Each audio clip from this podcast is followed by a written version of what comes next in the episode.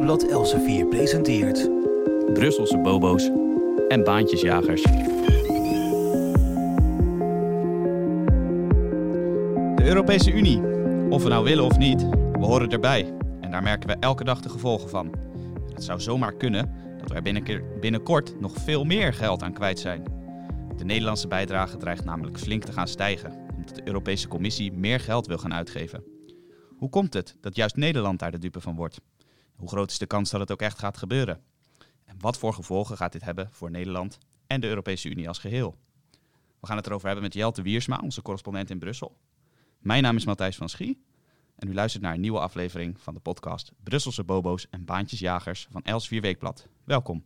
Jelte, jij ook welkom. Jij schreef Hallo. Hi, jij schreef er al een, eh, een stuk over op onze website. Het heeft heel wat losgemaakt. De Nederlandse netto-bijdrage aan de Europese Unie gaat flink stijgen. Hè? Hoe zit dat precies? Ja, de ehm, Europese Commissie die wil graag ehm, eh, dat ehm, eh, 1,11% van het eh, inkomen van alle EU-landen samen het EU-budget gaan vormen. Dat ligt nu nog onder de 1%. Ehm, en het vertrek van het Verenigd Koninkrijk uit de Europese Unie eh, slaat een gat van eh, 12 miljard euro. Want het eh, Verenigd Koninkrijk is een netto-betaler aan de Europese Unie, zo gezegd. Ja. En die twee elementen maken dat ehm, ehm, eh, eh, eh, rijkere landen, waaronder Nederland, veel meer moeten gaan betalen. Ja, dan hebben we het echt over, over honderden miljoenen euro's, hè? Ja, miljarden zelfs. Nederland is nu netto-betaler met eh 5 miljard ehm, per jaar. En dat zou oplopen eh, tot en met 2027 naar eh 7,5 miljard euro per jaar. Ja, jij Eh, noemt het woord netto. netto-betaler. Leg even uit, wat is Ja. netto-betaler precies? Nou, alle landen betalen eh, geld aan Brussel, een soort eh, contributie zou je kunnen zeggen. En eh, eh, dat bedrag is eh, ehm, veel hoger, eh, maar landen krijgen ook geld terug. Dus je moet je voorstellen, Nederlandse boeren ehm, eh, krijgen ongeveer een miljard euro landbouwsubsidie per jaar. Dus dat geld dat wordt via Brussel weer teruggeploegd naar in dit geval Nederland. Het gaat ook voor uitga- uitgaven aan universitaire onderzoeksprojecten. Eh, dus Nederlandse universiteiten krijgen geld uit eh, Brussel. Ja. Ehm, maar- goed, dat is in eerste instantie betaald door Nederland. Maar als je de Brussel ook geld van ons, van hè? hoe, Ja. hoe- zo, zo is het. Hoeveel betaal je aan Brussel en hoeveel krijg je terug? Dan eh, staat er voor Nederland op dit moment een, een min 5 miljard in de boeken. Dus wij, wij verliezen elk jaar 5 miljard euro via de Europese Unie. Ja, en dat wordt dus straks eh 7,5 miljard, als we de berichtgeving mogen geloven. Ja, dat klopt. Ehm, de, eh, het, Duitse ministerie van Financiën en ook het Nederlandse ministerie van Financiën hebben intern wat berekeningen gedaan. Ehm, en eens even gekeken van wa- wat gaat er nou gebeuren als ehm, de wens van de Europese Commissie om de EU-begroting te verhogen en het gat dat de Brexit eh, laat vallen, het wegvallen van het geld van het Verenigd Koninkrijk gaat betekenen als, we, als dat eh, opgevuld moet worden. En dan eh, kom je voor Nederland dus uit, eh, uiteindelijk op in 2027 op die 7,5 miljard. Ehm, voor Duitsland gaat het nog veel gekker. Ehm, eh, Duitsland ehm, eh, betaalt nu eh, netto 15 miljard euro per jaar. En dat zou in 2027 oplopen naar 33 miljard Dus meer dan per dubbele. jaar. Ja, meer dan een dubbele. Ehm, daarbij moet worden aangetekend dat Nederland nu per hoofd van de bevolking de grootste netto-betaler van de EU-landen is. Dus Nederlanders eh, betalen meer aan de EU dan welke, eh, wel- welke andere eh, burgers ook. En, Ja, dus wij zijn het beste 2027 jongetje van de klas, ook in dat opzicht. Ja, zo zou je dat kunnen zeggen. Ehm, het is ehm, wel even van belang om te kijken hoe, hoe kan het nou? Ja. Eh, eh, en ja, daar spelen, spelen een aantal eh, factoren een, een, een, belangrijke rol. Je moet je voorstellen, de Nederlandse eurocommissaris uh, Sikko Mansholt, die heeft kort na de oorlog ehm, ehm, uh, als als zelfzijnde boer en landbouwspecialist bedacht dat we via de EU, de toenmalige EU, heel veel inkomenssteun naar boeren zou moeten gaan. Uh, die inkomenssteun was vooral uh, um, zo ingekleed uh, dat het productiesteun betekende. Dus mm -hmm. boeren kregen betaald voor het produceren van melk, vlees, eieren, granen, aardappels enzovoort. Het was toen wel begrijpelijk dat daar een enthousiasme voor bestond. Want um, er was um, voedseltekort, kort na de Tweede Wereldoorlog. Mm -hmm. En Um, heel veel producten waren op de bon zelfs. En om boeren aan te jagen meer te produceren en een vast inkomen te geven, uh, werd, werd, dit uh, ingesteld. Mansholt die kreeg al gauw spijt, want het liep meteen volledig uit de hand. Mm -hmm. uh, want dankzij de enorme industrialisatie van de landbouw kort na de Tweede Wereldoorlog, door de influx van Amerikaanse machines, die werden geproduceerd in voormalige uh, wapenfabrieken. Met de oorlog over was daar capaciteit. Mm -hmm. uh, kwamen er alle, werden paard en wagen vervangen door tractor, tractor en ploeg. en was er al heel snel geen voedseltekort meer, maar een voedseloverschot. Nou, dat heeft tot en met de, de jaren 80, begin jaren 90 heeft dat geduurd. En Europa, of de EU-landen, produceerden veel te veel voedsel. Mm -hmm. En ehm, het surplus werd elke keer opgekocht door de Europese Commissie in Brussel. En dat werd dan gedumpt in Afrika of in andere delen, waardoor de landbouw daar een enorme klap kreeg. Nou, uiteindelijk, ne Nederland was onder dit, deze situatie net de ontvanger. Nederland ontving ontzettend veel geld. Dat wij veel boeren hadden ja. destijds. Om, omdat wij, nou dat niet zozeer, maar omdat Nederland heel veel produceert. Ja. Uh, en wat is er toen gebeurd? Begin jaren negentig is de eerste commissaris Max Sherry, uh, landbouwcommissaris, heeft daar een einde aan gemaakt. En toen is uh, de financiering veranderd van productiesteun naar um, grondsteun. Dus de subsidie werd grondgebonden. Nou, daar had, hadden landen met, die groot zijn met veel grond enorme baat bij.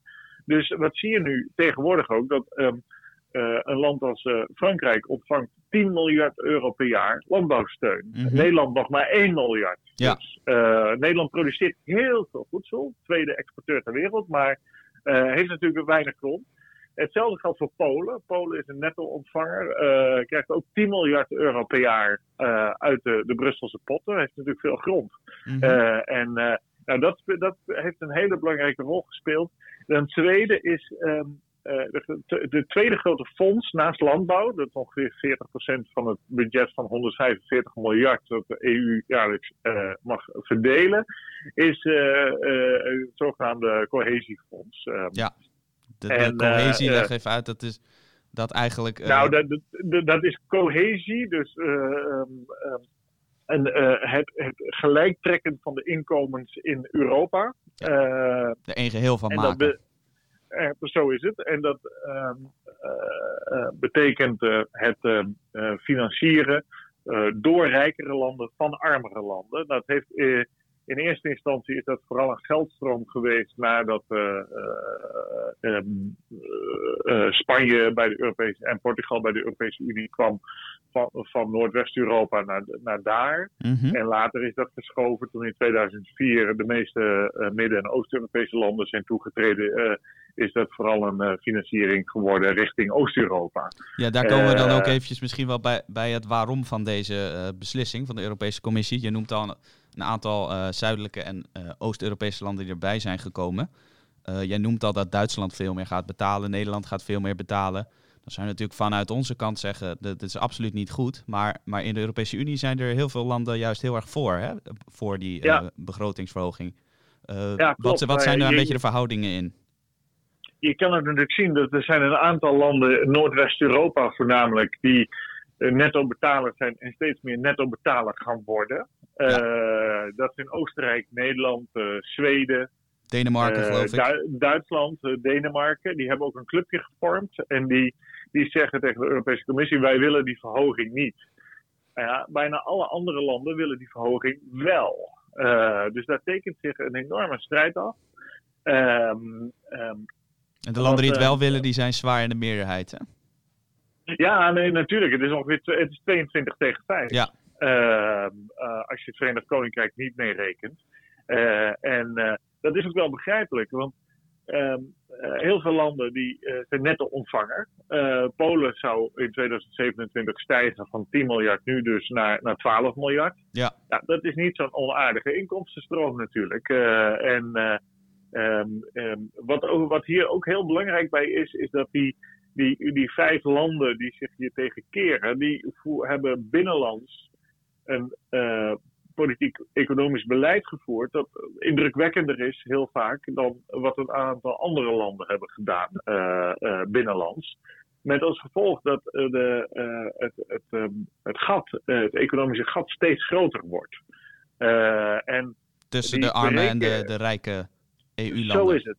Zo is het. En omdat um, uh, dat geld uh, dat moet worden afgedragen aan Brussel mede berekend wordt op basis van het, uh, van het nationaal inkomen. Ja. Aan landen als Nederland, de, met een van de snelst groeiende economieën van Europa, gaan dus al gauw meer betalen. Um, ja, nog en, even terug naar de, de cijfers. 5 naar 7,5 miljard, we hadden het er net al even over. Jij noemde net ook het ministerie van Financiën dat die berekeningen had gemaakt. Nou las ik toevallig gisteren een, een bericht van uh, Wopke Hoekstra, de minister van Financiën. En die zei dat uh, dit plan onacceptabel is voor Nederland en dat Nederland dit dus ook wil tegenhouden. Acht jij de kans ja. groot dat dat ook gaat gebeuren?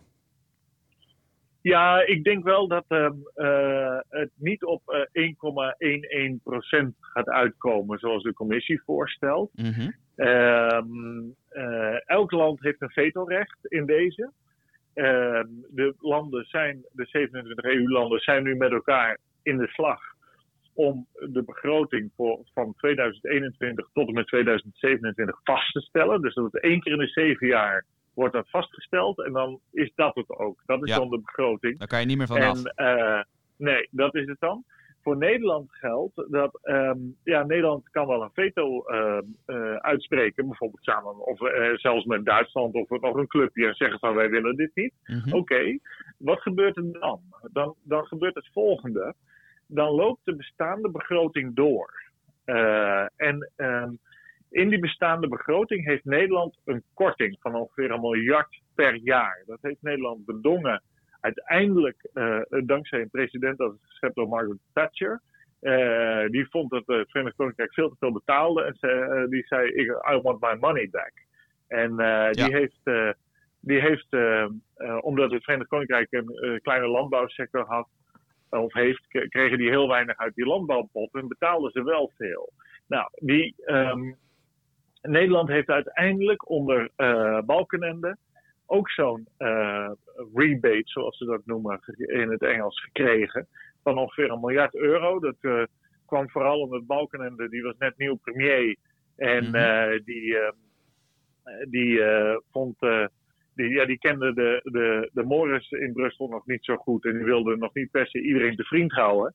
En die was doodsbang dat als hij terugkwam in Den Haag, dat hij op zijn sodemieter kreeg van minister van Financiën Gerrit Salm. Dus die zei meteen van ik wil een miljard korting. En die kreeg het ook. Dus die heeft dat er wel Eh, even dus, mooi eh, uitgesleept. Dus we zijn in Brussel ja, niet altijd eh, het ja, haasje. zeker. ja, zeker.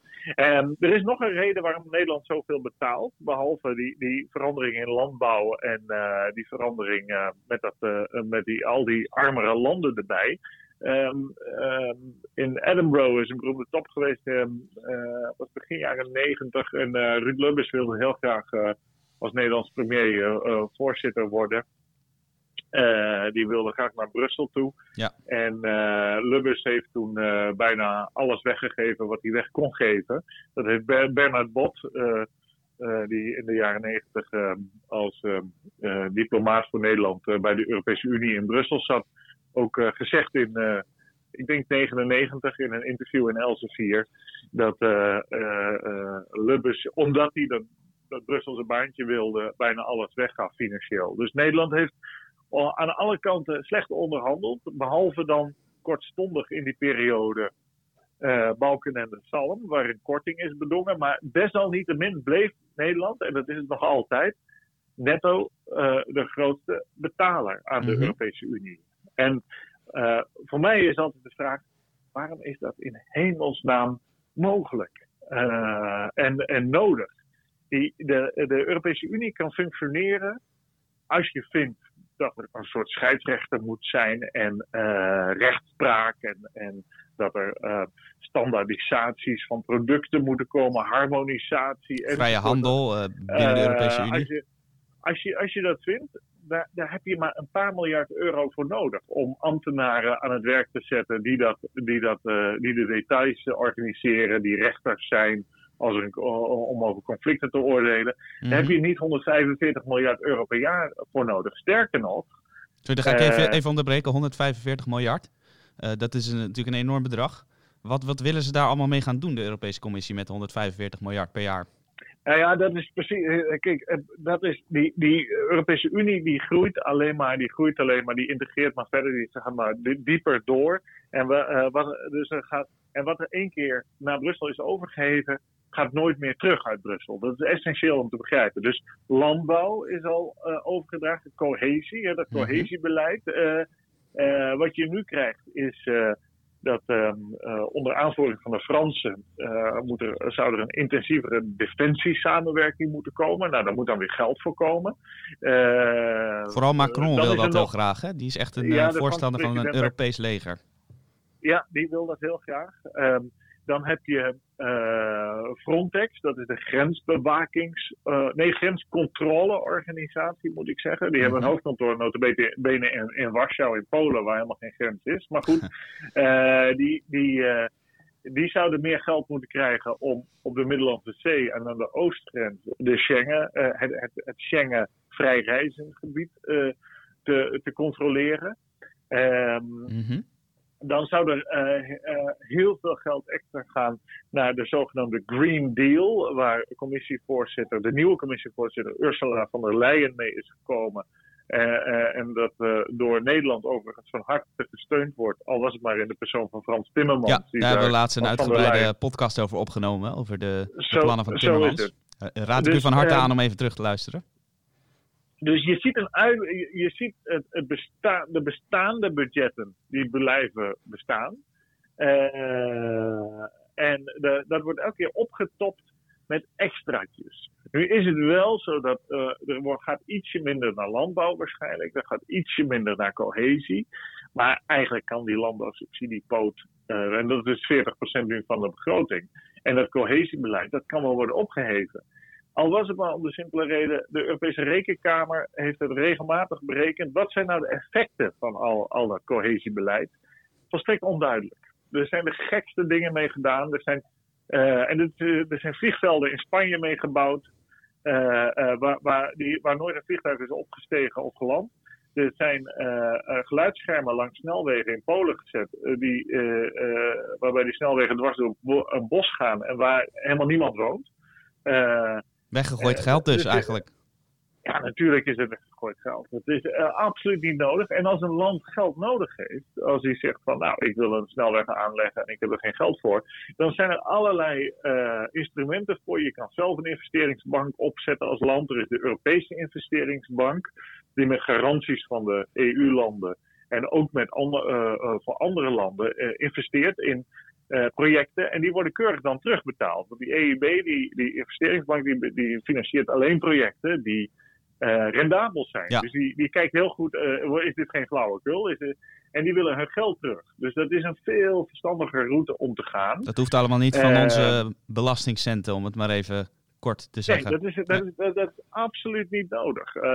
sterker nog, je, je, je kan be, betogen dat, stel nou dat die 5 miljard die Nederland afdraagt en die mogelijk opgelopen naar 7 miljard in, onze, uh, in Nederland in de zakken blijft. Dan blijft die in de zakken van Nederlandse burgers en, en bedrijven.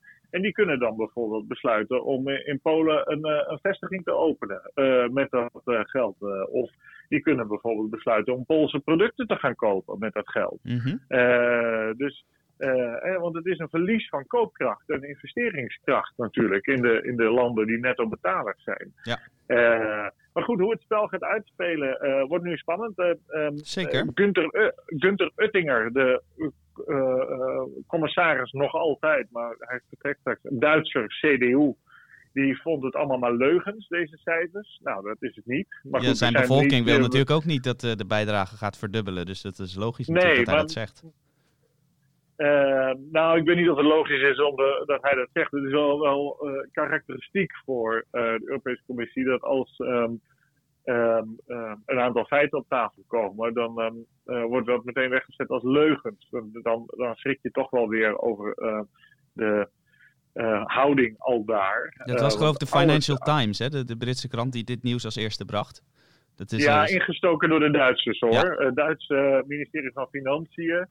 Die heeft dit ingestoken. Je moet je voorstellen, de ministeries van Financiën in de meeste landen, en de netto betalende landen, zijn de meest, het meest kritisch vaak over Europese integratie. Terwijl de ministeries van Buitenlandse Zaken meestal het meest eh, positief zijn over EU-integratie. Dus eh daar speelt ook een interne strijd. Dus het ministerie van Financiën in Duitsland, in Berlijn, heeft, heeft dit eh, even aan de Financial Times doorgespeeld.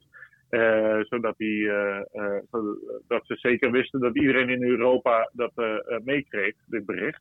Dat wat jij zegt over het ministerie van Financiën, dat is vaak kritischer dan andere ministeries. Dat zie je natuurlijk ook in Nederland. Dus met de uitspraak van Wopke Hoekstra dat, dat dit Ja. onacceptabel is. Nou, dan zou je zeggen, als Hoekstra het in ieder geval voor het zeggen heeft, dat is nog even de vraag, dan gaat Nederland daar dus alles aan doen om daar een stokje voor te steken. Ja, de, eh, de, de praktijk leert dat er meestal een compromis eh, eh, uitkomt. Dus de commissie zet, die doet een voorstel, meestal gesteund door Frankrijk. Want ze willen wel rugdekking hebben. Mhm. De commissie weet dat de meeste landen het voorstel dat ze hebben gedaan steunen. En dan moeten die andere vijf landen die we eerder genoemd hebben, ja, het is toch een beetje kiezen of delen. En stel nou dat eh, eh, Nederland, eh, Duitsland, Oostenrijk, Denemarken, Zweden erin slagen om, eh, om de begroting ietsje lager te krijgen. Nou, Duitsland heeft al gezegd, wij gaan akkoord met 1% van het Mhm. Europese eh, inkomen. Eh, dan nog gaat Nederland eh, meer betalen, dan nog gaat Duitsland meer betalen. En eh, dus eh, het zou zeer goed kunnen dat het compromis daarop uitkomt. En dan eh, eh, zijn we. ehm, eh, komt, de, komt er compromissen voorlopig niet. En eh, het, het compromis ligt er nog niet. Eh, de voorzitter van de Europese Raad, Donald Tusk, die was daar al duidelijk over. Dat hij verwacht niet dat er dit jaar nog een akkoord over de begroting 2021-2027. Mhm. Dan, ehm, eh, eh, dan, ja, dan continueert dus de begroting die er nu is. En dan gaat Nederland ook meer betalen. Dus wat er ook gebeurt, eh, Nederland gaat altijd meer betalen. Nou, dat is een, eh, een weinig, eh, weinig hoopgevende conclusie om, om de podcast mee af te sluiten. Maar we gaan het natuurlijk met, met argusogen volgen wat, wat er allemaal gaat gebeuren met die begroting en met het Nederlandse verzet. Ik wil je hartelijk danken, Jelte, voor deze uitleg bij de begroting. We spreken elkaar binnenkort weer. Ik wil u ook hartelijk danken voor het luisteren. Mijn naam is Matthijs van Schie. En u luistert naar een aflevering van Brusselse Bobo's en Baantjesjagers, een serie van Elsevier Weekblad. En wilt u nou eh, niets missen van onze podcasts of van onze andere podcasts, dan kunt u eh, zich abonneren op Elsevier Weekblad via Spotify, iTunes of op YouTube. Maar u kunt ook surfen naar onze website www.elsevierweekblad.nl slash podcast. Tot de volgende keer.